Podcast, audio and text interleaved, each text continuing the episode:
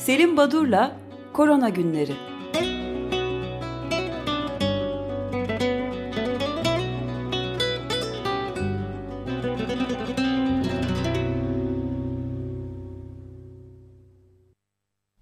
Merhabalar Selim Bey, Selim Badur. Nasıl hayat? He, günaydın, teşekkürler. Teşekkürler. Günaydın. İyi, iyi. Hayat iyi yani.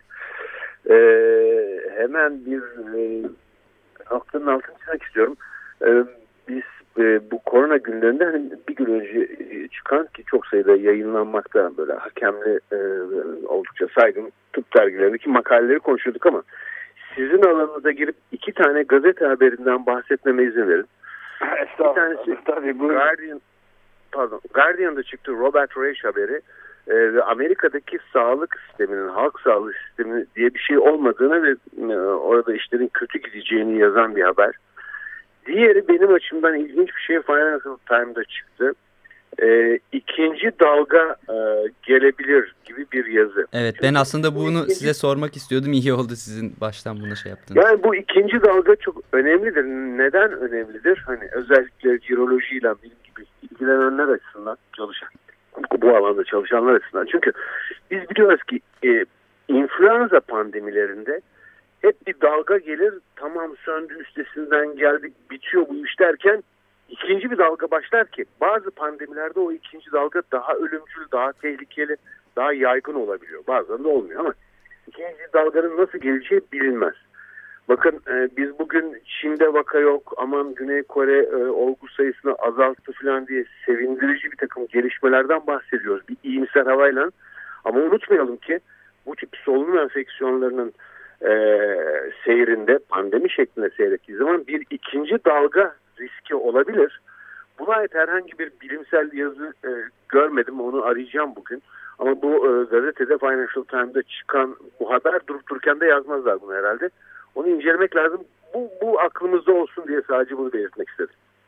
Evet e, çok önemli. Bir, bir de ben de bir haberle ilave edeyim. Ya Amerika Birleşik Devletleri'nde iki kongre üyesinde de koronavirüsü e, tespit edilmiş ve hastaneye kaldırılmış başvurmuşlar yani ve test sonuçları pozitif çıktı çıkmış. Bu da yani işin e, büyümekte olduğunu gösteren bir başka şey ve evsizlerin Amerika Birleşik Devletleri'nde çok büyük sayıda evsiz insan bulunduğu biliniyor. Özellikle Kaliforniya'da 60 bin evsize koronavirüs bulaşabilir diye bir şey var. O zaman da tabii yeni bir ikinci hatta büyük bir dalgadan da bahsetmek mümkün olabilir herhalde. Evet bu politikacılarla ilgili son bir e, bir bilgi daha aktarayım ondan sonra hemen makalelere geçmek istiyorum. Dün Hollanda'da Başbakan Mark Rutte'nin bir e, açıklaması, bir konuşması olmuş oldukça da iyi bir konuşma. Hani şimdi bizde çok e, eleştirilen e, ve tamam vazgeçti İngiltere bu karardan denilen o İngiltere'nin yaklaşımı vardı. Biraz e, sert ve e, e, gayri insani görülen. Hollanda şimdi onu yapmayı öneriyor. E, riski azaltma e, azaltmayı e, odaklanmalıyız. Yayılımı da kontrol altında e, biraz bırakmalıyız yayılmasını gibi bir konuşması vardı. Zaman ne gösterecek? Ona da bakalım.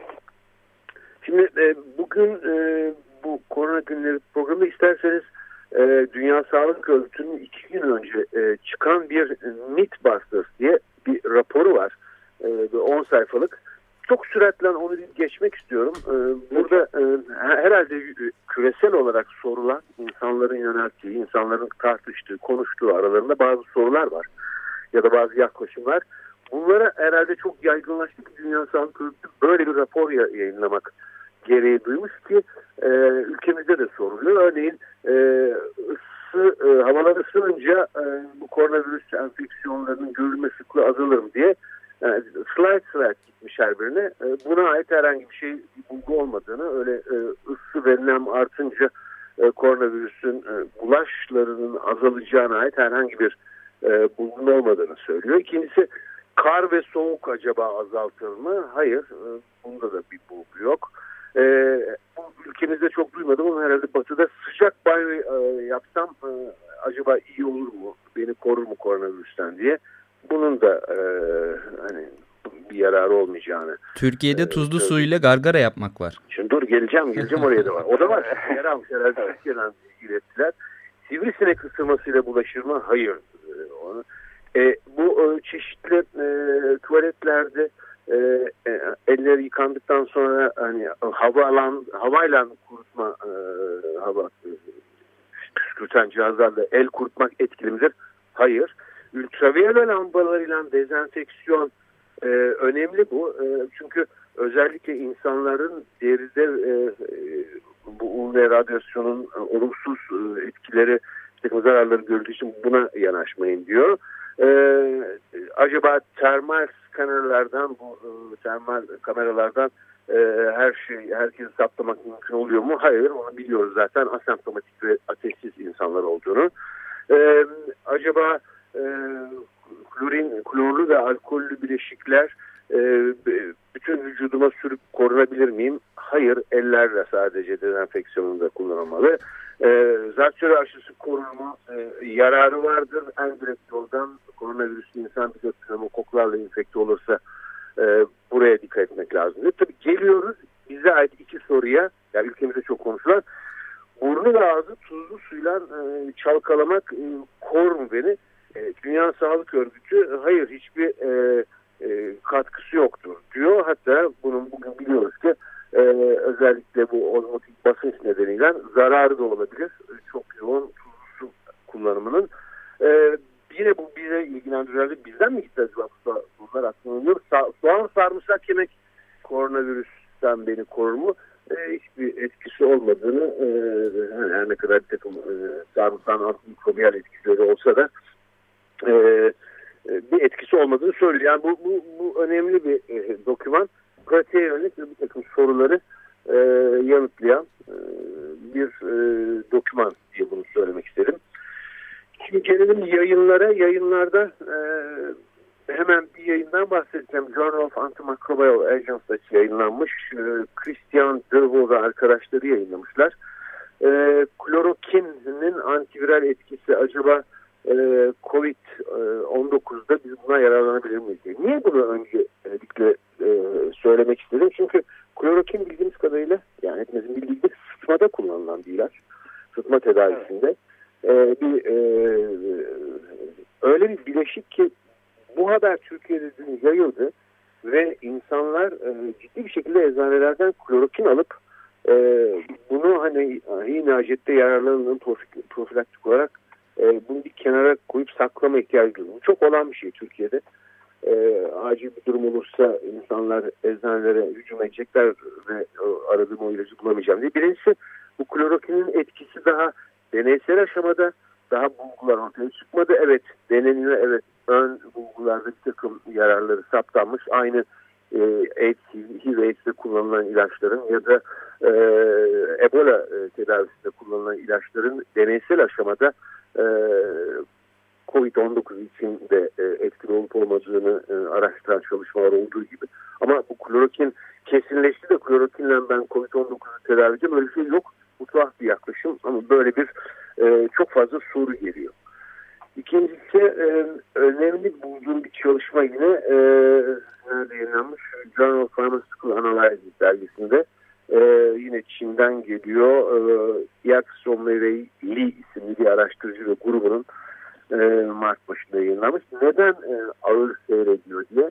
E, bunu daha önce Açık Radyo'da sanıyorum önce sağlık programımızda e, biz konuşmuştuk arkadaşlarımızla. Evet konuşmuştuk. E, e, bu e, hastalığın ağır seyretmesi aslında virüsün değil e, bizim savunma sistemimiz olan immün sistemin e, aşırı ve abartılı e, yanıt vermesi sonucunda ortaya çıkan hasarlara bağlı. Örneğin COVID-19'da da bu yayında e, solunum yetmezliğinin virüse karşı oluşan e, sitokin bombardımanının çok yoğun olması ki buna e, cytokine storm ya da sitokin fırtınası da denebilir. E, bundan kaynaklandığı söylenmekte. E, ve bir yandan da e, koronavirüslerin immün sistemden kaçma stratejileri geliştirdiği yani savunma sistemimizin etkisiz olduğu e, durumlarla karşı karşıya olduğumuz söyleniyor. E, bir sen... baş... Özür dilerim. Tam bitirdiğiniz sandım. Bir şey soracaktım da siz devam edin tamam, isterseniz. Şimdi sor başka yayına gideceğim. Başka şeye gittim. Başka yayınlardan bahsettim. Farklı yere gideyim. Ya bu şeyler ilaçlarla ilgili hazır onlardan bahsediyorken evet. pazartesi günü Avustralya, salı günü Çin açıklama yaptı. Bir ilaç bulduklarını hatta Çin ismini de verdi. Favipiravir diye bir ilacın 11 günden 4 güne düşürdüğünü ilan etti. Ama bunların en az 3 ay e, tabii süreceğini seri üretimi söylüyor. Bunlar e, doğru mu diye size bir sormuş oldum. Ya e, doğru ama biraz önce bu klorokin örneğinde verdiğimiz gibi eski e, ve farklı alanlarda kullanılan ilaçlarıyla yeni, daha yeni bir molekül geliştirmedi. Hep eskiden bir takım viral enfeksiyonlarda kullanılan ya da parazit enfeksiyonda kullanılan ilaçlar acaba burada da etkili olabilir mi diye e, bir takım çalışmalar yapılmakta. Aynı klorokinde olduğu gibi e, diğer ilaçlarda e, denenmekte. Ama bunların hepsi e, daha deneysel aşamada daha netleşen bir şey yok. Bu iki devlet şey diye duyurdular da yani bulduk ve yan etkisi de henüz yok. Yani he, henüz yani, değil şey yok diye duyurdukları e, için yani, sordum size de. Su aramaya ilaçları değil muhakkak bir, bir takım katkıları olacaktır ama o e, bazı ilaçlar vardır verirsiniz önce iyi gelir e, yararlı dersiniz ama bir hafta sonra e, tablo tekrardan ortaya çıkar. Beklemek lazım biraz tamam. netleşmesi için. Evet. Şimdi önemli bir nokta e, bu da kısa diye Marşan Senekal ve arkadaşlarının bir yayını. E, bu yayında da e, ilginç bir şekilde hani e, Kanada'da ortaya çıkan ilk olgunun e, dökümü yapılmış. Ama yayında bu olguya ait klinik bulguları bir kenara bırakacağım. Şimdi bu hastalığın neden çok sık yayıldığını, çok süratle yayıldığını araştırıyorlar. Yani SARS ve MERS daha tehlikeli, daha ölümcülken e, nasıl oluyor da e, ölümcüllük oranı e, bu denli onlar kadar yüksek olmayan Covid-19'un ya da SARS-CoV-2'nin çok hızlı yayıldığını biliyoruz. Nedenlerine bakmışlar. Şimdi dün de bir parça konuşmuştuk. Enkübasyon süresi ortalama 4-5 gün kadar. Fakat inkübasyon süresinin 24 güne kadar uzayan bazı olgular var. İkincisi, sanıyorum yanlış anlaşma oldu. Bunu da düzeltmiş olayım bu 20 gün e, ortalama 37 güne kadar uzuyor dediğim virüsün atılımı.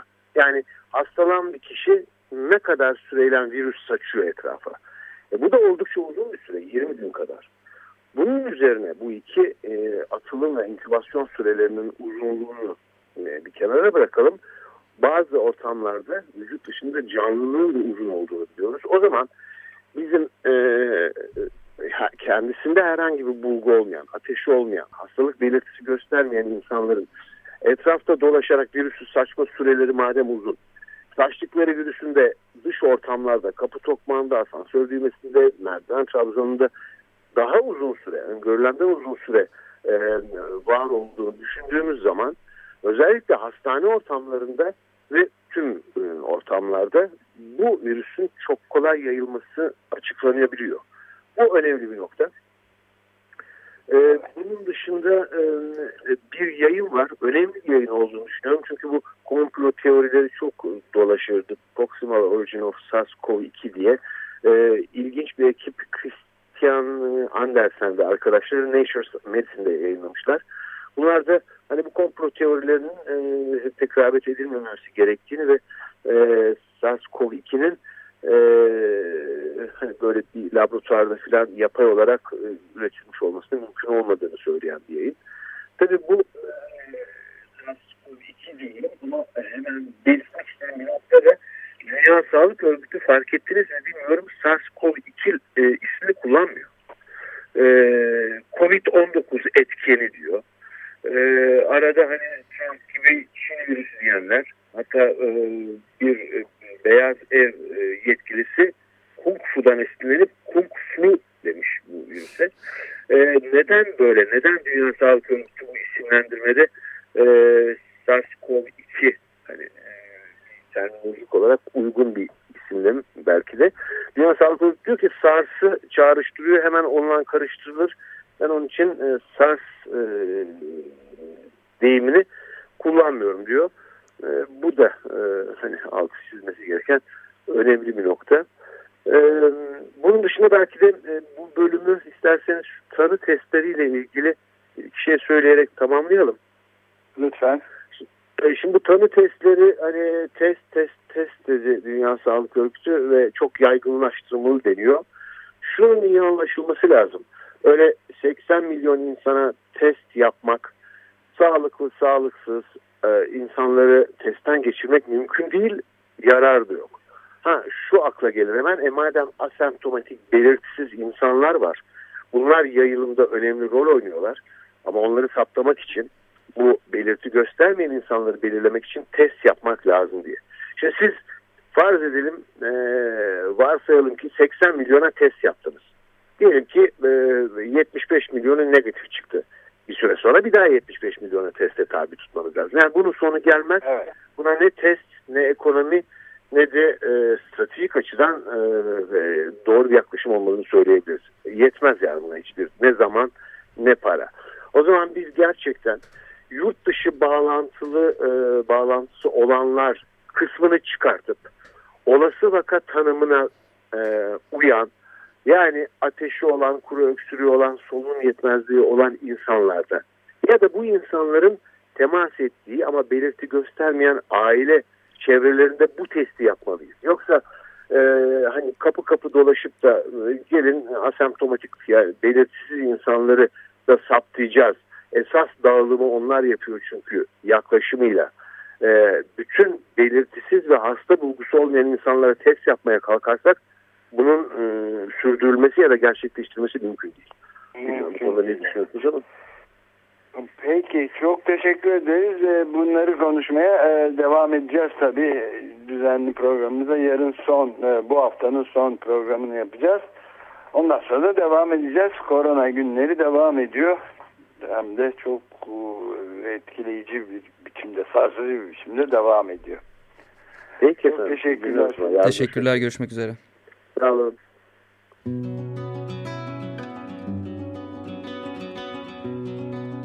Selim Badur'la Korona Günleri